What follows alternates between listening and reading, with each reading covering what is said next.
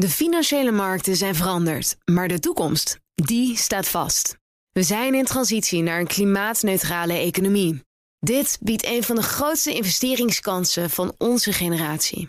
Een kans voor u om mee te groeien met de klimaatoplossingen van morgen.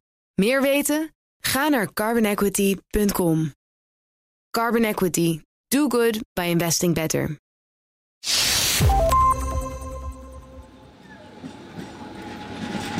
Het is vrijdag 10 juni 2022. Iets wat zenuwachtig sta ik op het Beursplein in Amsterdam. Naast de pompeuze bronzen stier die hier enkele jaren geleden als trekpleister voor de beurs is neergezet. Een paar toeristen maken een foto en ik wacht onder het tickertape met aandelenkoersen op mijn afspraak. En meer dan anders voel ik spanning, omdat het maken van deze afspraak me veel moeite heeft gekost en ik er niet helemaal zeker van ben of hij wel op komt dagen. Opnieuw dwaal ik een rivier af in ons financiële stelsel. En dit keer die van het afdekken van risico's, het verzekeren. Ik ben daarbinnen gegrepen door derivaten. Derivaten zijn beleggingsproducten die gebaseerd zijn of afgeleid zijn van aandelen, obligaties, grondstoffen of valuta's. En ze zijn bedacht om risico's mee af te dekken. Maar tegelijkertijd lijken ze het systeem van vandaag de dag juist instabiel te maken. Sinds het begin van mijn zoektocht ben ik daarom op zoek naar iemand die me letterlijk en figuurlijk toegang kan geven tot de financiële markten. Ik wil naar de beurs. Maar ik wil meer dan een standaard rondleiding. Ik wil iemand te spreken krijgen die er de afgelopen decennia heeft rondgelopen en de handel heeft zien veranderen. Daarnaast ben ik altijd op zoek naar iemand die werkzaam is bij een hedgefund.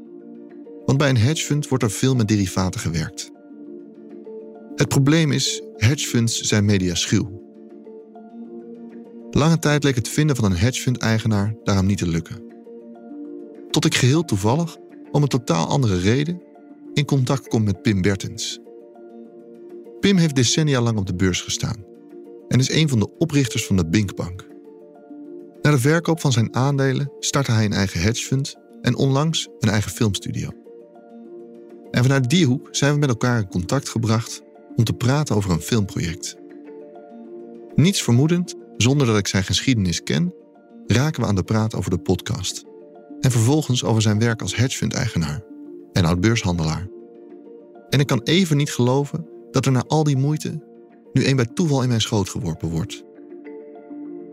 Als ik hem vraag of hij mee wil werken, reageert hij niet afwijzend en belooft er snel op terug te komen. Een aantal weken vervliegen zonder dat ik iets hoor. Hij zijn telefoon opneemt of reageert op de reminder die ik hem stuur.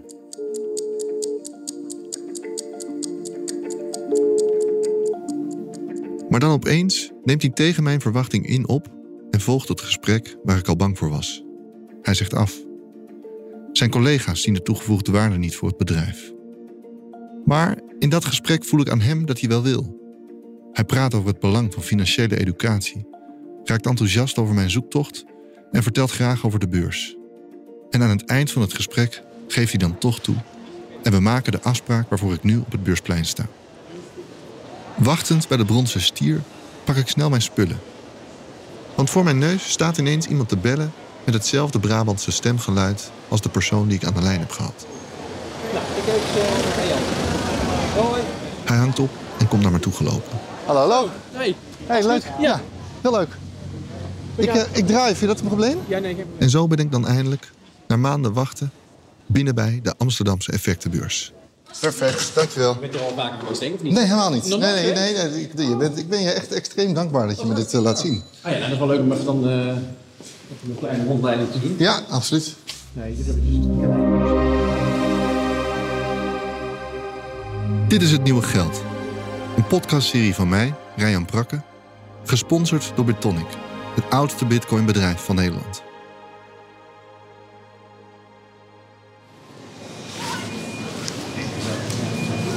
Hoe vaak in de week ben jij hier nou nog?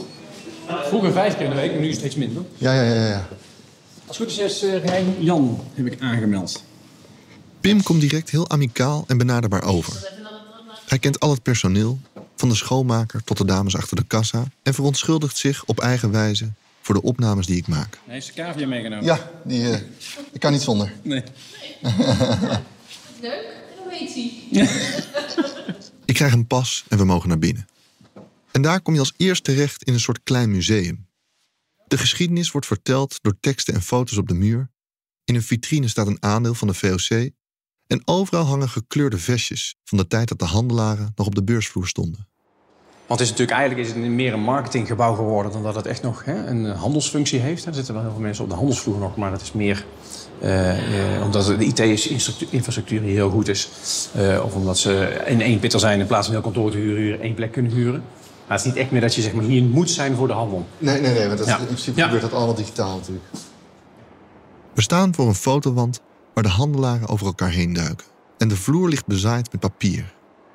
Dus dit zijn beelden waar jij eh, min of meer doorheen had kunnen lopen? Bij- Nee, hier heb ik gelopen. Hier Ja, heb ja. ja, ja, ja, precies. Ja, ja. Want ik sterker nog, hier ben ik. Oh nee joh. Ja. Oh, wat grappig. Ik kijk naar een foto van een hele jonge Pim, roepend op de beursvloer. Ik heb toen ik 15 was, belde ik, eh, wilde ik optiehandelaar worden. En toen belde ik naar AOT, want AOT was het eerste in het alfabet die hier handelaar hadden rondlopen. En na de tweede keer, eerste keer uitgescholden, de tweede keer nam eh, Michiel Scholt eh, eh, de telefoon op. Ja. Toen zei ik dat ik 15 was en optiehandelaar wilde worden, uit Brabant kwam. En toen zei hij, jou wil ik wel eens zien. En toen ben ik echt eh, drie jaar lang zijn mascotte geweest. Dus, eh, Oh, wat goed zeg. ja, ik eh, mocht... eh, nou, ik, ik haalde niet tickets op voor de handelaren. Ik haalde koffie, alle vakanties ging ik naar Amsterdam. En ik weet nog, hij betaalde me 675 gulden per week. Oh, in die zijn- tijd. dat zijn- dat zijn- ja, dat was echt fantastisch. Pim start op de beurs in 1991. In een paar jaar tijd groeide de handelspopulatie van 150 tot wel 1200 beurshandelaren. Weet je een beetje hoe de structuur werkt op zo'n beursvloer of niet? Nee, ik weet echt Helemaal- helemaal niks. Ah. Nou, je ziet hier een hoop mensen schreeuwen. Het lijkt een soort mierennest. Hè? Maar, Ja. eh, uiteindelijk is het best wel georganiseerd. Mhm. Je hebt eigenlijk grof gezegd heb je twee partijen. Dat zijn eh, de brokers en de marketmakers. Ja. Nou, hier, die hier voor in de crowd staan, dat zijn de brokers. Ja. En die met het gezicht eh, eh, naar, naar jou toe staan, dat zijn de marketmakers. Op een beurs staan brokers en marketmakers.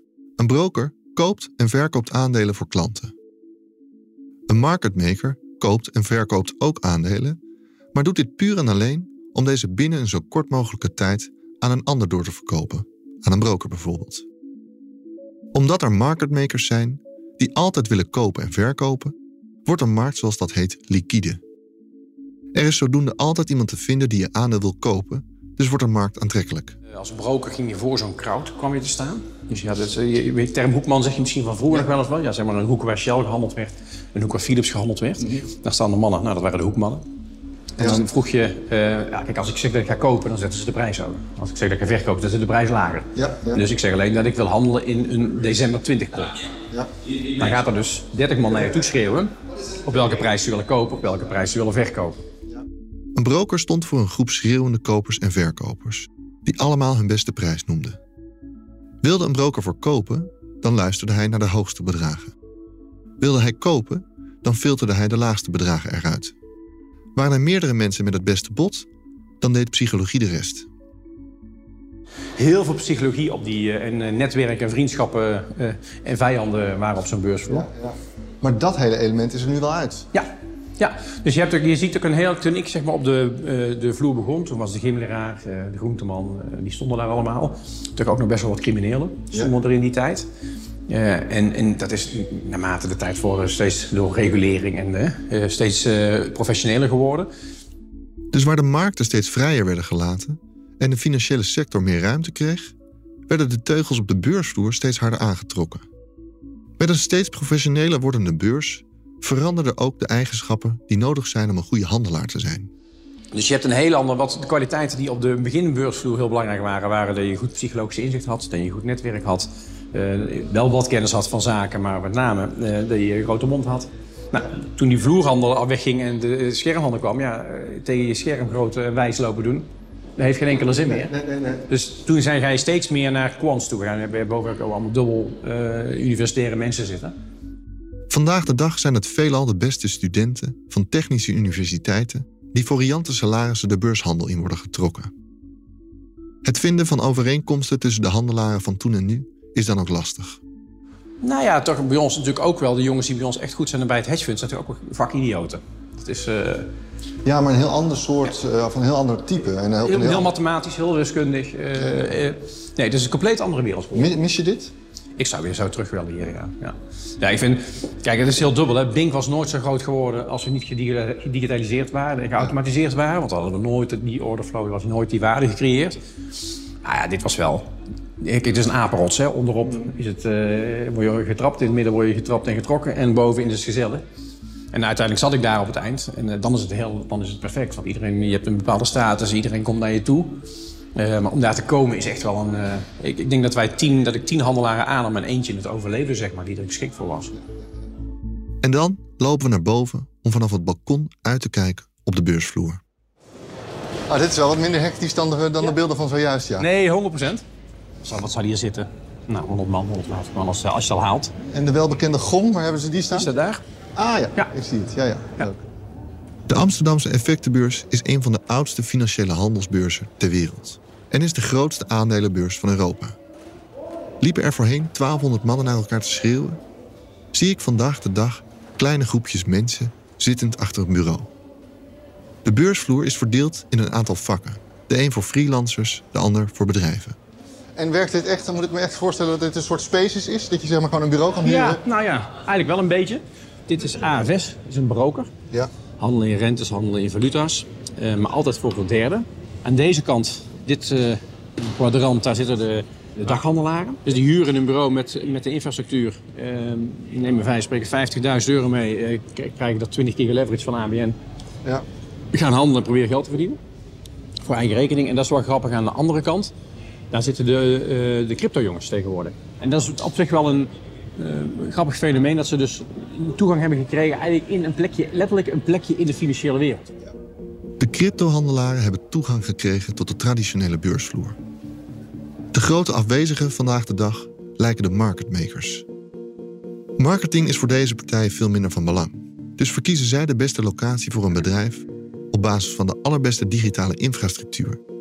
Nou is deze op de beurs al ontzettend goed. Desalniettemin gaat het er bij marketmakers om dat je altijd weer een fractie sneller bent dan een concurrent. Er gaan wilde verhalen rond van bedrijven die op Wall Street vechten om het vastgoed daar waar de kabel het eerste grond uitkomt. Om op deze manier een nanoseconde eerder dan anderen aan informatie te komen. Marketmakers worden vandaag de dag ook wel flitshandelaren genoemd. Omdat een groot deel van de handel aan de hand van algoritmes plaatsvindt en dus geautomatiseerd is. Zeker bij die flitshandel eh, gaat het echt om, om, om microsecondes. Ja. Ja. En dat is, eh, overigens is dat ook wel heel discutabel. Hè? Want eh, die flitshandel, de echte flitshandel, is, is eh, de vraag of het geen voorkennis is. ja. Want die halen eigenlijk door hun snelheid een order in die ze kunnen zien hoe het werkt. Vragen maar niet meer zo werkt het. En die leggen een andere offer in en leggen ook meteen een andere offer in. Dus het Ja. gaat, dat gaat zo ontzettend snel. Nederlanders staan bekend om de flitshandel. Optiver, IMC Trading en Flow Traders behoren tot de grootste en meest gerenommeerde optiehandelaren ter wereld. Bijvoorbeeld een flow traders heeft nog nooit één dag verlies geleden. Nog nooit. Nee. Nee. En dat is een informatievoorsprong. Voorsprong, ja. En, een- ja, en een IT-voorsprong. Maar er zijn zoveel platformen waar gehandeld worden en zoveel derivaten, afgeleide producten van producten. Eh, je kunt in een aandeel Philips handelen, maar je kunt in een turbo handelen van Philips. Je kunt in een warrant handelen van Philips. Je kunt, en die hebben allemaal een verhouding tot elkaar. Ja. Want uiteindelijk handel je allemaal terug naar het originele product. ja. Nou ja, en eh, overal zitten spreads tussen en marges tussen. En, eh, en da- daar maken zij constant gebruik. Het gaat allemaal maar om centjes of halve centjes, maar dan in hele grote Volumes. volumes eh, is, Ja. dat ze, is dat ze gewoon ja, ultra winstgevend zijn. Maar ik weet dat er, eh, dat er, dat er de, de fiscus en de overheden ernaar kijken of dit niet toch voorkennishandel is. En hoe sta jij er zelf in? Het is, het is lastig. Ik weet daar ook dan weer net iets te weinig van. Als ik weet hoe, ik weet hoe het werkt, tenminste dat is mij ooit verteld, als ik aanneem dat het zo werkt, Ja. dan vind ik het voorkennis. De meeste handel en de grootste winsten zijn niet zozeer te behalen in het handelen in aandelen, maar in de derivaten ervan. Ik heb schattingen gelezen van de waarde die erin om zou gaan van 1,2 kwadriljoen euro wereldwijd. Of 20 keer zo groot als de wereldwijde aandelenmarkt. Derivaten zijn beleggingsproducten die gebaseerd zijn of afgeleid zijn van aandelen, obligaties, grondstoffen of valuta's. En juist die markten zijn de afgelopen decennia enorm gegroeid. Die markt is zo ontzettend groot. Die is niet uit, niet uit te drukken in geld meer. Dus bijna elk aandeel is misschien wel, wel duizend keer verkocht. En daar is bijna geen zicht meer op. En ze worden weer verpakt in andere producten. Dus je hebt een product, een optie. En dan doen ze een, ook nog iets een convertible bij. Die pakken ze in en dat heet dan in één keer een, eh, noemen ze, noemen ze een andere, andere naam, dat productje. Maar dan doen ze weer vier van die doen ze weer bij elkaar. En maken ze weer een ander product van. En op een gegeven moment weet je niet meer wat er onderin zit. Financiële producten kunnen zo complex worden dat het onderliggende goed uit het zicht raakt. Dat niemand eigenlijk meer weet waar nou in gehandeld wordt. En dat op zichzelf vind ik fascinerend. Derivaten zijn ongrijpbaar, maar ook extreem impactvol. Want het is deze handel die door velen als de oorzaak van de kredietcrisis wordt aangewezen. En een enkeling zag dat in een tijd ook al aankomen. Hi, Mr. Buffett, Mr. Munger. This is uh, Whitney Tilson, a shareholder from New York. Uh, for many years, both of you have been warning about the dangers of derivatives, uh, at one point calling them financial weapons of mass destruction. In een brief aan zijn aandeelhouders in 2003, vijf jaar voor de kredietcrisis, waarschuwde Warren Buffett voor de handel in derivaten en noemde het financiële massavernietigingswapens. Maar als er in de aandeelhoudersvergadering naar gevraagd wordt, zegt hij ook dit.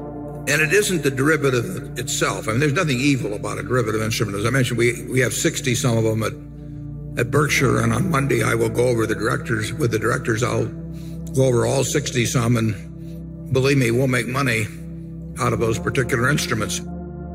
Iets dat niet intrinsiek slecht is, kan blijkbaar heel slecht gebruikt worden. Dus wil ik eerst op zoek naar het nut van deze complexe financiële producten. Om vervolgens op zoek te gaan naar daar waar de risico's toenemen. En ik ben benieuwd hoeveel risico wij als maatschappij vandaag de dag nog lopen. Om een antwoord te vinden op al deze vragen ben ik op zoek gegaan naar verschillende mensen die allemaal op hun eigen manier met derivaten in aanraking komen. Zo ga ik langs bij Willem Middelkoop. Goedemorgen. Hoi, hoi. Hoi, welkom. Ja, dankjewel. Willem is oprichter van het Commodity Discovery Fund. Een fonds dat investeert in grondstofontdekkingen, zoals goud en zilver. Heb je nu inmiddels het idee dat je, want het was natuurlijk een beetje persoonlijke zoektocht over Ja. hoe het financiële systeem werkt. Want ah, ja, die eerste ging wat mij betreft heel erg over het geldstelsel. Nu ga ik het over het financiële stelsel. Ja. Ik maak een beetje onderscheid daarin. En Ja. ik begin nu met deze gecombineerd. Begin ik ergens te komen dat ik denk, volgens mij snap ik een beetje hoe de wereld werkt. Ja, je moet eerst het geldstelsel snappen en dan ga je die wereld omheen ook snappen. Ja. Want dat, zijn, dat wordt namelijk gerund door mensen die het financiële systeem wel snappen en die daarvan proberen te profiteren. Daarnaast ga ik in gesprek met Joost Driessen. Ja, Jan, leuk. Ja, welkom. Goed vinden? Hij is hoogleraar derivaten aan de Universiteit van Tilburg. Doe ik de deur dicht of open? Wat Ja, even alleen koffie of thee of zo. Eh, koffie vind ik wel lekker. En ook met Pim Bertens praat ik verder over derivaten. Want bij zijn hedgefund, waar ik in de achtste aflevering langs ga, wordt er veel met derivaten gewerkt. Je hoort Joost Driessen, de hoogleraar. Wat is een derivaat? Op college begin ik altijd met de analogie met een weddenschap. Wij kunnen een weddenschap afsluiten, bijvoorbeeld over ehm, wie de wereldkampioen voetbal wordt. En die weddenschap, dan, dan bespreken, spreken we af wat de uitbetaling is. Dat is de analogie, want een derivaat, nou daar is niet de, de uitkomst welk land eh, het WK voetbal wint. Maar dat kan zijn of de rente hoger is dan een bepaald niveau volgend jaar of niet. En op basis daar, daar kunnen we ook een weddenschap op afsluiten. Jij denkt misschien dat de rente boven 3% zal uitkomen komend jaar. Ik denk van niet. Nou, dan sluiten we een weddenschap op af. Als jij gelijk, hebt, betaal ik jou. Eh, als ik gelijk heb, betaal je mij. Nou, dan hebben wij een renteswap. Heel kort gezegd. Een derivaat is een weddenschap waarvan de uitkomst afhangt van iets onderliggends. En dat onderliggends, dat kan ook een financieel product zijn. Dus bijvoorbeeld een aandelenkoers of een rentekoers, eh, een wisselkoers. Maar dat kan ook bijvoorbeeld zoiets zijn als eh, weeruitkomsten. Er bestaan ook weerderivaten. En dan hangt de uitbetaling af van hoe warm het is geweest de afgelopen maand. En die producten worden bijvoorbeeld in de agrarische sector gebruikt. Over hoe deze derivaten in het verleden en vandaag de dag in de praktijk worden gebruikt, praat ik met Willem Middelkoop. Als mensen derivaten horen, denken ze onmiddellijk: oh, dat is gevaarlijk, toxisch, eh, daarmee word je bedrogen. Maar nee, bijna alle derivaten zijn ooit verzonnen om risico's mee af te dekken. Als een derivaat op een gezonde manier wordt ingezet, kan je er risico's mee afdekken. Dan werkt het als een verzekering. Toen we de tulpenmanie hadden in eh, 1637, was het geloof ik, in Nederland, werden enorme bedragen voor tulpen betaald. Eh, en die tulpen die kwamen uit Turkije, die werden gezien als heel bijzonder.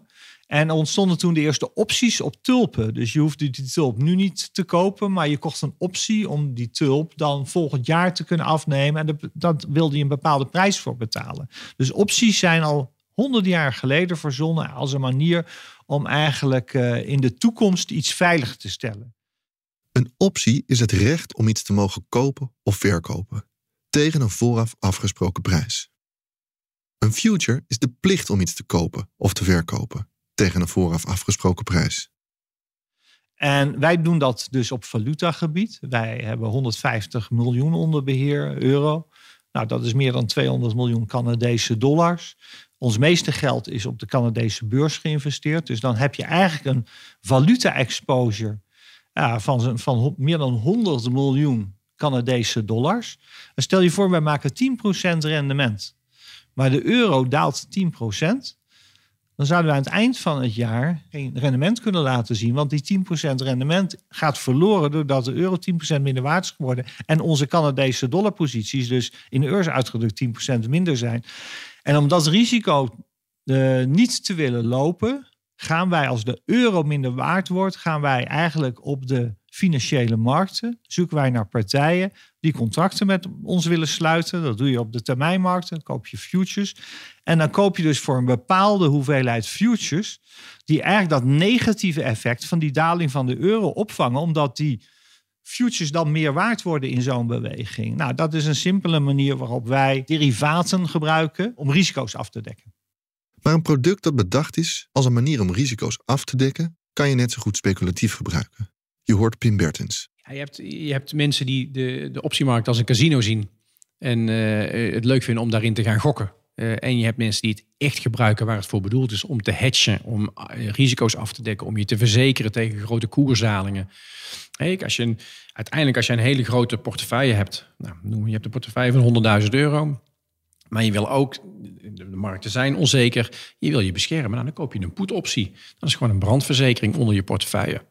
Met een put-optie koop je het recht om aandelen te kunnen verkopen tegen een vooraf afgesproken prijs. Een call-optie werkt andersom. Daarmee koop je het recht om aandelen te kunnen kopen tegen een vooraf afgesproken prijs. Heb of beheer je een groot vermogen, dan is het heel verstandig om het risico dat je loopt te verminderen. Als jij een huis koopt van 100.000 euro, dan koop je niks meer voor, maar zeg even 200.000 euro, uh, dan uh, eerst wat je doet is een brandverzekering afsluiten. Want als het morgen in de brand vliegt, dan wil je. Maar met, met gemak kopen mensen 200.000 euro in aandelen en obligaties zonder dat daar een verzekering onder ligt. Terwijl die ook hartstikke hard kunnen halen. Die kan ook 50% uh, hartstikke hard zakken. Terwijl je die verzekeringen wel allemaal gewoon kunt krijgen via derivaten. Futures, de contracten waar een verplichting tegenover staat, worden alleen op de beurs verhandeld. Opties en andere derivaten kunnen op de beurs worden verhandeld, maar dat hoeft niet per se zo te zijn. Derivaten worden op verschillende manieren verhandeld. Uh, dus sommige derivaten worden gewoon verhandeld op, op beurzen, hè, zoals opties, aandelenopties. Andere derivaten worden verhandeld op de zogenaamde over-the-counter-markt. De over-the-counter-markt is een markt waar bedrijven, financiële instellingen, uh, overheden uh, direct met elkaar handelen, zonder dat er een beurs tussen zit. De over-the-counter-markt, die minder gereguleerd is, is vele malen groter dan de handel op de beurs. En het werkt net even anders. Dus, uh, als jij of ik een aandelenoptie koopt, dan doen we dat via de beurs. Dat doe ik niet direct met jou. Dus op die markten hè, waar er een beurs is, komt de prijs eigenlijk door vraag en aanbod tot stand. Net zoals een aandelenkoers eigenlijk. In die over-de-countermarkt, waar dus grote partijen met elkaar handelen, is het eigenlijk een onderhandeling tussen die twee partijen. In, in hoeverre kan je dan spreken over een markt als het in feite een afspraak tussen twee partijen is die zich helemaal niet op een soort, nou ja, Nee, kijk, die over-the-countermarkt schetsen nou een beetje alsof het echt twee verschillende zijn. Ook in die over-the-countermarkt zijn dan zijn ook weer zogenaamde market makers, intermediairs, die dan ook weer proberen vraag en aanbod bij elkaar te brengen. En die, die zetten wel, er zijn platforms waar die quotes afgeven, dus een, een biedkoers en een laadkoers.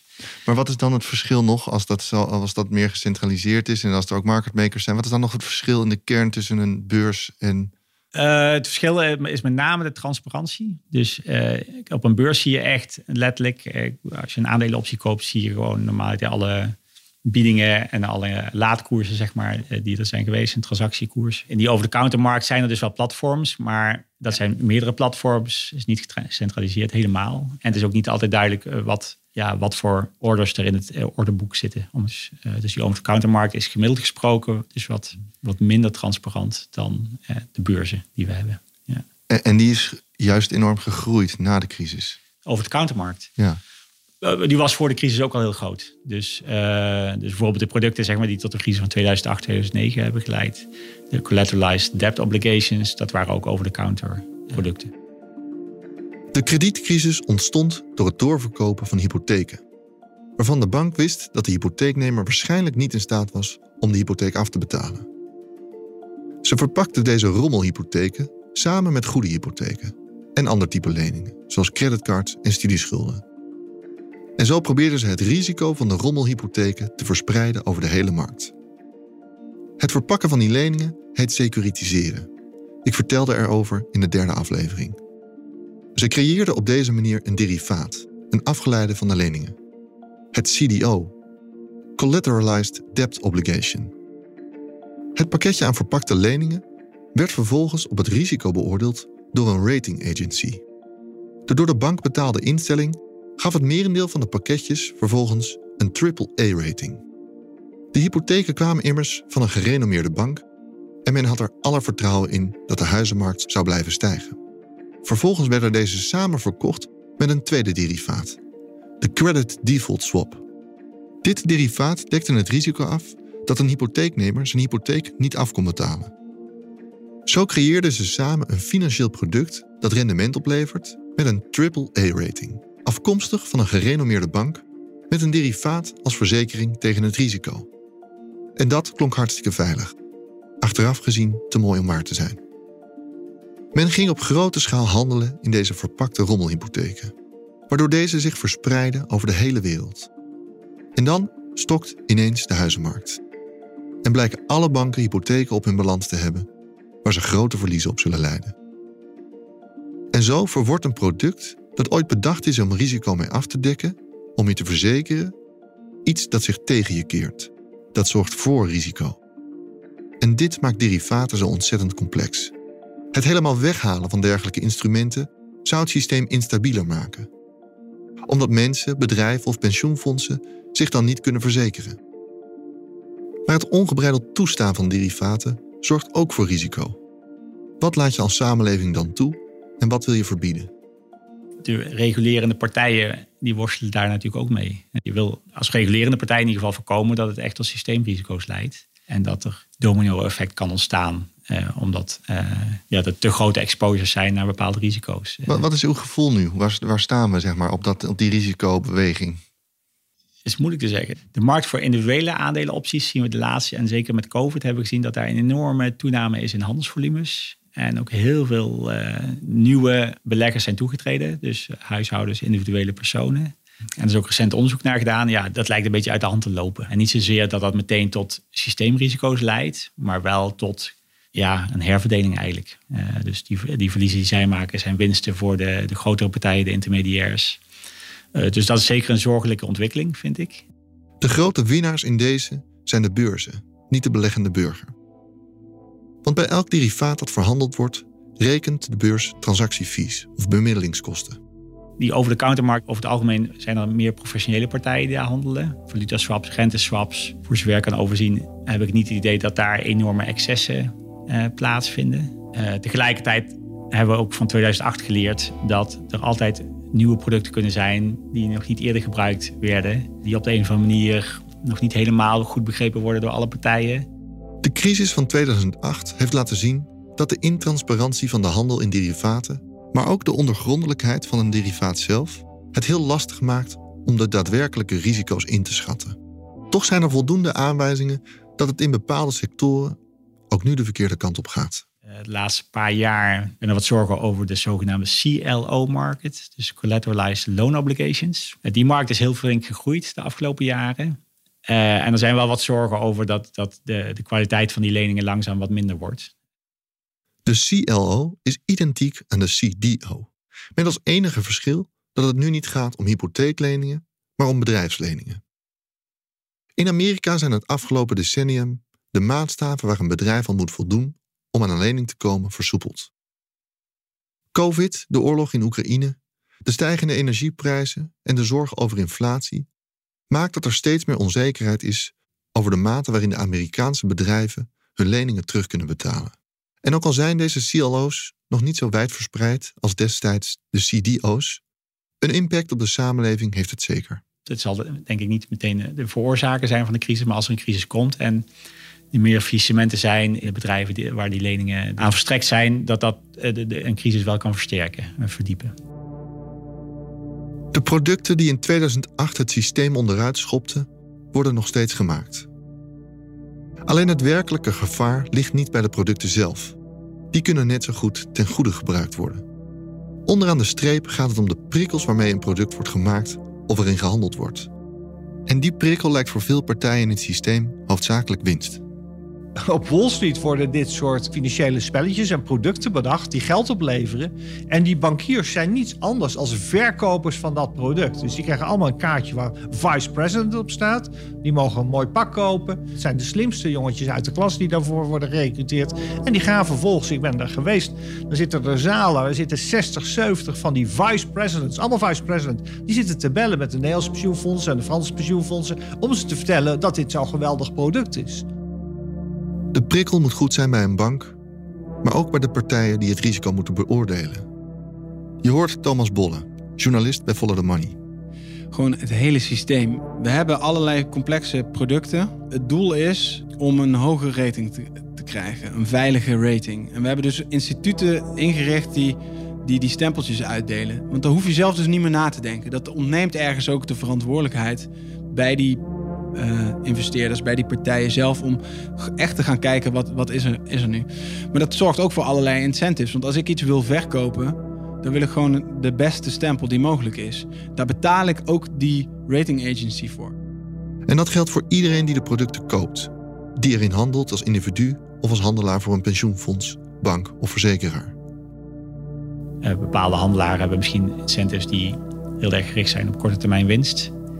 En die incentives zijn misschien asymmetrisch in de zin dat als ze heel succesvol zijn, dat ze enorm veel geld kunnen verdienen. Als ze niet succesvol zijn, in het ergste geval worden ze ontslagen. Stel, je hebt eh, veel te veel risico genomen, je wordt ontslagen. Word je dan ooit nog ergens anders aangenomen of niet? Dus op professioneel niveau gaat het, gaat het ook heel erg om, uh, ja, heb je als bank, verzekeraar, uh, pensioenfonds, handelshuis de juiste incentives? Als alle betrokken partijen gericht zijn op winst, wie bewaakt dan onze veiligheid? Dat is de ongemakkelijke vraag waarmee ik achterblijf. De complexiteit maakt derivaten vrijwel onreguleerbaar. En de handel vindt plaats op een over-de-countermarkt die op duizenden platformen is verspreid. Met een markt die steeds vrijer werd gelaten, professionaliseerde de beurs. Waar de boeven werden ingeruild voor wiskundige genieën, konden juist de gevaarlijke financiële producten vrij spel krijgen. Zo creëerden we gezamenlijk een wereld aan weddenschappen met elkaar. Niet uit te drukken in geld zo groot. Waarbij iedereen zich veilig waant met zijn of haar verzekeringsproduct. Tot blijkt hoe groot de risico's zijn van de onderliggende producten. Die we onderweg allemaal uit het oog verloren zijn.